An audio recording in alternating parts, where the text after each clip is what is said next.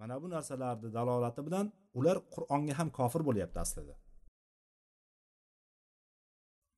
mana shularni inkorini orqasidan yana keyingi oyat muallif rahimaulloh undan keyingi oyatda aytdiki فليحذر الذين يخالفون عن أمره أن تصيبهم فتنة أو يصيبهم عذاب أليم nur surasini oltmish uchinchi oyat payg'ambar sollallohu alayhi vasallamni amriga ishiga buyurgan buyruqlariga qaytargan qaytariqlariga o'shalardan yuz o'girib xilof qiluvchi kimsalar o'zlariga bironta bir fitna yetib qolishligidan yoki alamlantiruvchi azob yetib qolishligidan hazir bo'lsinlar dedi alloh taolo. Ya'ni bular hozirgi kundagi o'sha e, qur'on bunday qur'ongagina ergashamiz qur'onda borini olamiz deb turib hatto namozni ham ularni ichida shunaqalar chiqdiki hozir u qur'onda aytilgan namoz boshqa hozirgi kunda o'qilayotgan namoz boshqa deydigan darajaga yetib kelishdi bular. Ya'ni bu zalolat yo'li shunaqaki bir joyda turmaydi. Borgan sari o'shani ichiga botib botib botib boraveradi oxiri qaytib chiqolgan joyi chiqolmay ham qoladi ishdan botib qoladi birato'la ular. Shu joyga shu darajaga yetib kelishdiki payg'ambar sallallohu alayhi vasallam davrida o'qilingan namoz bilan hozirgi kundagi o'qilinadigan namoz ya'ni qur'onda aytilgan namozni o'rtasida farq bor dedi. Ya'ni namozni ham inkor qilib yuborishyapti hattoki. Endi gapirmay qo'yaverasizlar. Ayollarni hijob masalasida gapirayotgan gaplariyu boshqa narsalarni umuman gapirmasam bo'ladi. Ya'ni bunday qaraganda o'rtadan payg'ambar sallallohu alayhi vasallamni olib tashladimi sunnatni olib tashladimi dinni xohlaganchalik xohlaganday bir din chiqarishlik mumkin. Ular mana shunday dinni xohlashyapti. Bu yoqda turgan insonlar ham o'zidagi mana ularni gaplari yoqqanligi uchun ularni tarafdorlari o'shalarga ergashayotgan ahmoqlar ko'payyapti nodonlar ko'payyapti chunki bu nafsga yoqadigan narsa. E bu namoz o'qimasam bo'laveradi ekan chunki bu namoz e, boshqa ekan qur'ondagi namoz boshqa ekan alloh taolo bu narsani aytmabdi deydigan bo'lsa bu yoqda namoz o'qimaydiganlarga e zo'r ekan deydi bu deydi ya hijob ham shu hijob degani bu yudnina alayhinda min jalabibihin oyatidagi o'sha aytgani o'sha jilbobni nimaligini tushuntiradigan bo'lsak jilbob degani bir e, cho'ntakka o'xshagan bir anavisi bor. Bu degani bir ochiq joyi bo'lsa bo'ldi. Bu degani bunday kiyib olinglar bo'yindan tursa boshni o'rashlikka bir dalil yo'q deb turib bunaqa qilib turib aytib bersa nima deyapti buni? E zo'r ekanku deyapti bu. Hatto shunaqa bir odamlar chiqyaptiki mana undan keyin ayollar olloh saqlasin alloh bu hammamizni bu narsadan o'zi muhofaza qilsin. Bu ayollar chiqib olib turib bosh yalang yarim yalang'och holatda namoz o'qishyapti. Mana shu darajaga yetishyapti ya'ni bu nimadan kelib chiqyapti? O'rtadan payg'ambar sallallohu alayhi vasallam sunnatini chiqarib tashlagan ekan xohlaganday din chiqarishligi mumkin. Istaganday din yasab berishligi mumkin. Lekin o'sha istaganday dinni yasab berayotganlar nima bilan chiqyapti? Payg'ambar sallallohu alayhi vasallamga xilof qilishlik bilan chiqyapti. Ular shunchaki xilof qilmayapti. Mana bu oyatda yuxolifuna an amrihi kelyapti. An amrihi. An deb tashlasa ham ma'no chiqardi. Yuxolifuna amrohu desa ham chiqardi.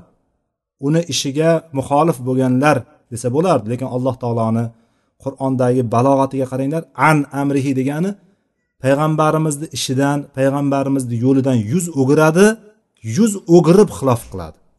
Ya'ni shunchaki xilof qilishlikni bilan ya'ni shunchaki teskari ish qilishlikni o'zi emasda teskari ish qilishlikdan oldin o'sha narsadan yuz o'giradi. Ya'ni sunnatni bir tarafga otib yuboradi. Hadislarni musurga tashlab yuboradi qo'pol qilib aytganda. Ana undan keyin teskari qilib ish boshlaydi. Birinchi otib yuboradi keyin teskari ishlarni qilib boshlaydi. Hozirgi kundagi bularni hozir aytayotgan kishilarni o'zi qo'l bilan sanaydigan bo'lsa barmoqni qo'llari yetmaydigan daraja o'shandan ortib qolmaydigan insonlar bor. Yetti sakkizta bor nari borsa katta da'vatchilar. Lekin o'shalarni qarshisida turib minbarlarda baralla haqni yetkazib turgan insonlar yo'q. Shuning uchun haqni ko'zini ochish kerak. Ya'ni ular xilof qilib turgan bo'lsa payg'ambarimiz sallallohu alayhi vasallam ishidan yuz o'girib xilof qilib turadigan bo'lsa birinchi o'rinda ularga nima yetadi ekan? Fitna yetib qolishligi mumkin ekan. Ya'ni aniq fitna yetadi. Imom ahmad rahimaulloh aytadilarki so'raydilar bu fitnani nimaligini bilasanmi? deydilar. Bu fitna nima? Mana shu oyatdagi antusibahum fitna ularga fitna yetib qolishligidan hazir bo'lsinlar ehtiyot bo'lsinlar degandagi fitna nima bilasanmi? dedilar orqasidan javob berdilarki al fitnatu ash shirku dedilar. Fitna bu shirk dedilar. Ularga demak payg'ambarimizni kim payg'ambar sallallohu alayhi vasallamni o'rtadan olib tashlab turib sunnatlarini chekkaga qo'yib qo'yadigan bo'lsa shirkka kiradi u. Shirk qilishligi ochiq bo'ladi shirkka kiradi va orqasidan aytdilarki ya'ni payg'ambar sallallohu alayhi vasallamni aytgan gaplaridan ba'zilarini deyapti. Bu kishi qarang ba'zilarini deb aytyapti. Imom ahmadni aytayotganlari ba'zilarini ya'ni ayrimlarini rad qiladiganlar inkor qiladiganlarni qalbiga bir zayg'i kiradi. Zayg degani o'sha haqdan og'ishlik haqdan burilib ketishlik. Haqdan uzoqlashishlik qalbiga tushib qoladida o'sha bilan halok bo'lib ketadi. Alloh saqlasin dedilar. Ya'ni kim payg'ambar sollallohu alayhi vasallamni aytgan gaplaridan yo'llaridan o'sha narsadan biroz chiqadigan bo'lsa aytgan gaplarini inkor qiladigan bo'lsa qalbiga bir to'g'ri yo'ldan og'ishlik tushadi qalbiga. Va o'shan bilan halok bo'lib ketadi. Bular hozirgi kundagi hadislarni sakson to'qson foizini musorga tashlab yuboryapti o'sha hozirgi aytib turgan da'vatchilar qur'onchilar deymiz boshqacha qilib aytganda o'sha baqirib yotgan eshitib tursangiz xuddi yaxshi gaplar to'g'ri gaplarni gapirayotganga o'xshab ko'rinadi. Xalq mana shu bilan aldanadi. Lekin ular hadislarni sakson to'qson foizi musorga tashlab yuboryapti hech inkor qilib bo'lmaydigan joyga kelgandan keyin o'sha yerda ha bu bir narsada deb turib o'zlarini burilib o'tib ketib qolyapti o'sha yerda. Bu nima bu nima deb savol beradigan bo'lsa buchi bu qayerdan kelib qoldi deb aytadigan bo'lsangiz o'shalarga shunday bunday baliqqa o'xshab turib shunday ushlasangiz toyib chiqib ketayotganda shunday toyib chiqib ketib qoladi qo'lingizdan. Ya'ni o'zlarini ichida hali bularni anavisi yo'q ya'ni tuturug'i yo'q o'zlarini. Bir to'xtami yo'q o'zini. O'sha tepasida turganlar ham o'zlarini bir qo'ygan bir e, qolipi bo'ladigan bo'lsa usuli deymiz. Buni ilm jihatdan aytadigan bo'lsa usuli bor. O'sha asllariga o'zlari xilof qilib turadi. Asli yo'q asli bularni. Xohlagan payt xohlagan tarafga burilib ketaveradi. Ana o'shalarni bunday bo'lib qolishligiga sabab bular qur'on e, hadisni tashlab yuborganligi uchun payg'ambar sallallohu alayhi vasallam aytgan narsalarni inkor qilganliklari uchun qalblariga zayg'i kiryapti bular bu zayiq ya'ni haqdan og'ishlik haqdan burilib ketishlik bu narsa ularni halok qilyapti. Halok qiladi ham. Bu narsa imom ahmadni so'zlari ekan ya'ni bu degani halok bo'lishlik degani uni halok qilishligi ya'ni o'ldiradi biz halok deydigan bo'lsak o'ldirishlikni tushunamiz o'ldirishlik jismoniy emas ya'ni badani o'lmaydi uni qalbi o'ladi uni dini o'ladi uni. Insonni badani o'lishligi hammaga kelgan boshiga tushadigan musibat ya'ni hammaga keladigan bir oxirimiz o'shanaqa hammamizni oxirimiz bor oqibatimiz hammamiz o'lamiz. Uni hamma biladi. Hammani boshida bo'lgan narsa bu. Elga kelgan to'y deganda hammamizni boshimizda bor o'lishlik bir kun. Lekin qalbni o'lishligi dinini dinini o'lishligi dinini halokati bo'lsa dunyoyu oxiratni kuydirib yuboradi. Dunyosini ham oxiratini ham ziyonga chiqaradi. Inson o'zi tabiatdan ziyonga qarab yurmaydi o'zi ziyon ziyondan qochishlik tabiat bilan yaratilgan lekin bular agar bilib qilayotgan bo'lsa dunyosini ham oxiratini ham kuydirayotgan insonlar hisoblanadi. Alloh bularni isloh qilsin isloh qilmaydigan bo'lsa xuddi mana shunday halokatga tushadi. Demak payg'ambar sallallohu alayhi vasallamni ishlariga muxolif bo'lib turib o'shanga qarshi chiqayotganlar o'shani inkor qilayotganlarni birinchisi demak fitna yetib qolishligi mumkin ekan. Fitna nima ekan? Fitna shirk ekan. Qalbga tushadigan bir yo'ldan to'g'ri yo'ldan og'ishlik ekan. Bu bilan inson halokatiga olib boradi ekan. Oyatda av yusibahum azabun alim dedi. Yoki alamlantiruvchi azob yetadi ularga dedi. Yo fitna yetadi ekan yoki juda qattiq azob yetadi ekan. Demak payg'ambar sallallohu alayhi vasallamni yo'lidan chiqishlik bilan inson qayerga ketib qolyapti? Azobga ketib qolyapti.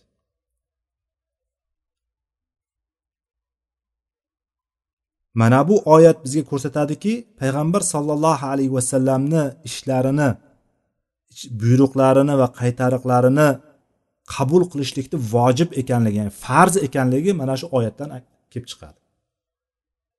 Chunki payg'ambarimizni aytgan gaplari buyurgan ishlari qaytargan qaytariqlaridan agar inson sal chiqadigan bo'lsa unga fitna yetib qolishi fitna ham shirk bo'ladigan bo'lsa yoki alamlantiruvchi azob yetib qoladigan bo'lsa buni taqozosi nima ekan? Shu narsaga qilmaslik. Qilmaslik ya'ni payg'ambar sallallohu alayhi vasallamga ergashishlik. Payg'ambarimizga xilof qilmaslik. Demak payg'ambar sallallohu alayhi vasallamga itoat qilishlik nima bo'lyapti? Vojib ekan farz ekan. Mana shu oyatni dalolati. Bu bilan bular yuqori mana shu oyatlarga kofir bo'lyapti boyagi qur'onchilar hadislarni inkor qilib turganlar. Muallif rahimalloh keyingi oyatni keltirdi. Keyingi oyatda ya'ni payg'ambar sallallohu alayhi vasallam bu yerda hozir aytdik xilof qilishlik shirkka borib qo'yadi ekan fitnaga borib qo'yadi ekan va alamlantiruvchi azobga olib borib qo'yadi ekan. Payg'ambar sallallohu alayhi vasallam qanday zot u kishi? Imom navaviy bu o'rinda shu oyatni keltirdiki va innaka latahdi ila sirotin mustaqim. Sirotillahi lahu ma fis samawati va ma fil ard ala ilallohi tasirul umur. Oyatini keltirdi. Shuro surasini ellik ikki ellik uchinchi oyatlar. Albatta siz deyapti payg'ambar sallallohu va innaka. Albatta siz ey payg'ambar sallallohu alayhi vasallam to'g'ri yo'lga yetaklaysiz to'g'ri yo'lga boshlaysiz. Shunday to'g'ri yo'lki siroti mustaqim ya'ni siroti mustaqim deganimiz to'g'ri yo'l. Bu shariat. Alloh taolo tarafidan tushirilgan shariat mana shu to'g'ri yo'l hisoblanadi. Bu shunday yo'lki ollohni yo'li bu. Sirotillahi deyapti. Siroti mustaqimni sirotillahi deyapti. Bu ollohni yo'li ya'ni allohning dini allohni shariatiga siz yetaklaysiz siz o'shanga boshlaysiz. Siz o'shalarni ko'rsatib o'shalarga qanday ekanligini tushuntirib beruvchisiz deyapti. Berasiz deb turib innaka latahdi. Bu yerda arab tilidagi urg'u bilan gapirishlikni ta'kidlashlikni uslublari kuchli uslublari qo'llangan holatda payg'ambar sallallohu alayhi vasallamni to'g'ri yo'lga boshlovchi ekanligini ko'rsatyapti. Bu to'g'ri yo'l demak osmonlaru yerdagi bor narsa uniki bo'lgan zot ya'ni allohni yo'lidir bu yo'l. Ya'ni din yo'lidir qur'on va sunnat yo'lidir bu. Ya'ni bu yerda faqat qur'on sirot deganda bu yerda siroti mustaqim to'g'ri yo'l deganimizda faqatgina qur'on emas bu yerda. Payg'ambarimiz sallallohu alayhi vasallam olib keladigan yetaklaydigan yo'l bu qur'on va sunnat yo'li. Ikkalasi barobar siroti mustaqim oyatda ihdina sirotal mustaqim sirotal ladina an'amta alayhim deymiz an'amta alayhim. Davomi ham bor. Ihdina sirotal mustaqim allohdan so'raymiz ya robbimiz ya olloh bizni to'g'ri yo'lingga boshlagin to'g'ri yo'lga boshlagin. Sirotal mustaqimga boshlagin. Sirotal ladina u shunday yo'lki an'amta alayhim. Ya'ni sen insonlarga ya'ni shu sen ne'mat qilib bergan inom qilib bergan zotlarning yo'liga deyapmiz u zotlarni boshqa oyatda aytadiki an'amta alayhim minan nabiyyina va siddiqin va shuhadai va solihin oyati bor.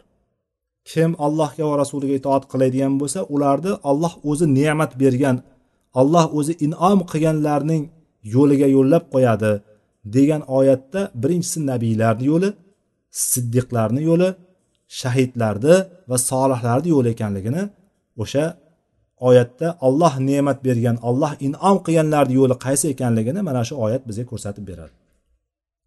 Bu yo'l demak sirotil mustaqim degani sirotil mustaqim degani mustaqim yo'l ya'ni to'g'ri yo'l deganimiz demak payg'ambarlarni yo'li ekan siddiqlarni yo'li ekan shahidlar va solihlarni yo'li ekan. Ya'ni bundan ko'rinadiki bu yo'l qur'on va sunnat yo'li.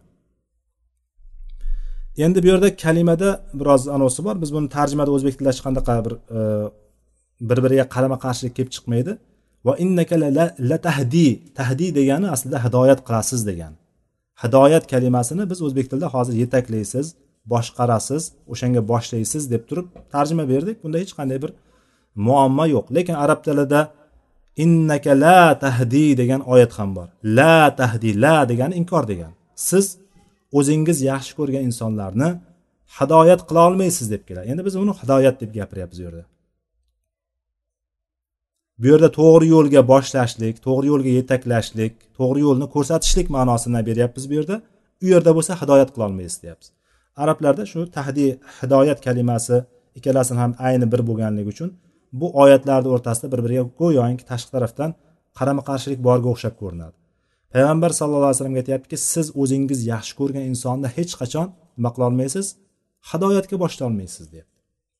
Bu yerda bo'lsa to'g'ri yo'lga yetaklaysiz to'g'ri yo'lni ko'rsatasiz deyapti. Buni ikkalasini o'rtasida nima farq bor? Narigi hidoyat boyagi oyatda innaka la tahdiman ahbabta oyatidagi siz o'zingiz yaxshi ko'rgan kishini hidoyatga boshlolmaysiz degani bu islomga kirgizishlik ma'nosida kelyapti.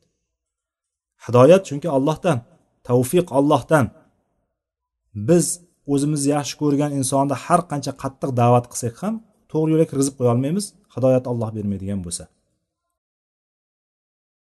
To'g'ri yo'lga boshlashlik bu yerda to'g'ri yo'lga boshlashlik ma'nosi bu yerda to'g'ri yo'lni ko'rsatishlik ma'nosida. U xoh islomni qabul qilsin xoh qabul qilmasin. Nima?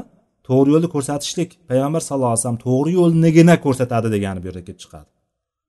Ya'ni islom yo'lini shariat yo'lini qur'on va sunnat yo'lini ko'rsatishligini bu yerda aytyapti ya'ni bu oyatlar o'rtasida bizni bergan o'zbekchada tarjimamizda hech qanaqa bir katta farqi yo'q vallohu alam undan keyingi oyatda bu oyat bu bobimizda oxirgi oyati undan keyin hadislarga o'tadi imom navoiy واذكرن ما يتلى في بيوتكن من آيات الله والحكمة إن الله كان لطيفا خبيرا oyati Bu ahzob surasini o'ttiz to'rtinchi oyati ekan. Bu xitob aslida payg'ambar sallallohu alayhi vasallamni oilalariga ya'ni xotinlariga tegishli bo'lgan azvoji mutahharotga tegishli bo'lgan o'shalarga bo'lgan buyruq holatda kelyapti. Bu ummatga hammaga tegishli bo'lgan oyat ya'ni. Bu yerda aytyaptiki vazkurna ma yutla fi buyutikunna. Shuning uchun arab tilini biladiganlar qaraydigan bo'lsak bu yerda muannas siyg'asida keltirilyapti. Fe'llar muannas siyg'asida vazkurna fi buyuti kunna degandagi zamirlar ham hammasi mana shu agar shu oyatni boshini va oxirini bilmagan taqdirimizda ham bu oyat demak ayollarga tegishli bo'lib turganligini biz shu yerdan e, ko'rib olsak bo'ladi. Lekin bu oyatni biz oldin ham aytgandikki o'sha siyog'idan oqimidan ya'ni o'sha oyatni boshidan va oxiridan emas o'shani shunday e, chiqarib oladigan bo'lsak mutloq hukmni ya'ni umumiy hukmga tushaveradi. Hamma joyga ishlatsa bo'laveradi. Agar buni oyatda ketma ketlikda ko'radigan bo'lsak surani boshidan oxirigacha ko'rib kelayotgan bo'lsak bu oyat payg'ambarimiz sollallohu alayhi vasallamni azvoj mutahorat zavjalariga tegishli bo'lgan oyat ekanligini ko'ramiz. Bu yerda aytyaptiki uylaringizda uylaringizda ollohning oyatlari allohning oyatlari va hikmatdan iborat tilovat qilinadigan narsalarni esga olinglar deyapti. Ya'ni uylaringda buni nima aloqasi bor deymiz. Masalan bu yerda aytayotgan oyatda ollohning oyatlaridan bo'lgan va hikmatdan bo'lgan tilovat qilinadigan narsalarni eslangiz o'sha narsani zikr qilingiz degan oyat kelyapti. Bu yerda sunnatga bog'liqlik tarafi nima tarafi bor? Sunnatga bugungi mana shu bobga sunnatni himoya qilishlik bobiga nima aloqasi bor deydigan bo'lsak bu yerdagi hikmat ma'nosi ayatulloh alohida kelyapti. Val hikma o'shanga bog'lanib kelyapti. Allohning oyatlaridan qur'on tushuniladi. Oyatlar tushuniladi. Hikmatdan nima tushuniladi deganda aksar mufassir olimlar aytishadiki hikmatdan murod sunnat deb aytishadi. Ya'ni uylaringizda sizlar qur'onni oyatlarini eshitasizlar va payg'ambar sallallohu alayhi vasallam sunnatlarini eshitasizlar. Yana kamiga bu yutla ma yutla deb kelyapti ya'ni tilovat qilinadigan deb kelyapti. Tilovat qilinadigan oyatlarni va hikmatni eshitasizlar. Ana o'shalarni eslanglar o'shalarni xotirlaringga olinglar. Alloh taolo latif bo'lgan va har narsadan xabardor bo'lgan zotdir deb. Demak bu yerda hikmat yoki boshqa oyatlarda ham allohning kitobi va hikmati deb keladi o'sha va yuzakkihim yuallimukumul kitaba val hikmata yuzakkihim oyatlarida sizlarga shunday bir payg'ambar jo'natildiki yuallimuhumul kitaba ya'ni ularga allohning kitobini val hikma o'sha yerda allohning kitobi bilan hikmat yonma yon keladi. O'sha ollohning oyati yoki allohning kitobi bilan hikmat yonma yon zikr qilinganda mufassir olimlarimiz mana shu hikmatni sunnat ekanligini aytishgan. Demak hikmat bu yerdagi hikmatdan sunnat ekan o'sha narsani esga olishlikni o'sha narsani zikr qilishlikni alloh taolo bu yerda buyuryapti. Demak sunnatni demak uylarda biz qur'onni ya'ni qur'on va sunnat uylarda o'qilinadigan bo'lsa o'shanga amal qilinadigan bo'lsa uylarimiz obod bo'ladi inshaalloh. Alloh taolo bizni mana bu o'qigan oyatlarga hadislarga amal qilguvchilardan qilsin. Bu darslarimiz davomli qilsin va imom navoiy aytyaptiki val ayatu fil babi kasiratun. Aslida bu bobga aloqador bo'lgan oyatlar ko'pdir deyapti. Shu bilan to'xtayapti ya'ni shu bilan kifoyalanaman shu yetarli menimcha deyapti. Inshaalloh haqiqatda yetarli bo'ldi shekilli alloh taolo bizga manfaatli ilm bersin ilmni ofatlaridan o'zi panoh bersin va eshitganlarimizga amal qilguvchilardan qilsin. Chunki eshitgan narsalarimiz o'rgangan narsalarimiz samarasi faqatgina amal qilganimizda o'sha narsani hayotimizga tadbiq qilganimizdagina ko'ramiz. Yo'qsa buni aksi bo'ladi alloh saqlasin bizni zararimizga hujjat bo'ladi. Shuncha narsani eshitib o'rganganimizdan keyin ham buni teskarisini qiladigan bo'lsak e, go'yoki hadislarni eshitib turib yoki o'shanga amal qilmaydigan bo'lsak yuqoridagi oyatlarga tushib qolishligimiz mumkin. Alloh hammamizni muhofaza qilsin. Va axiru davana alhamdulillahi robbil alamin. Vallohu taala alam. Subhanak allohumma va bihamdik. Ashhadu an la ilaha illa anta astag'firuka va atubu ilayk. Vassalomu alaykum va rahmatullohi va barakatuh.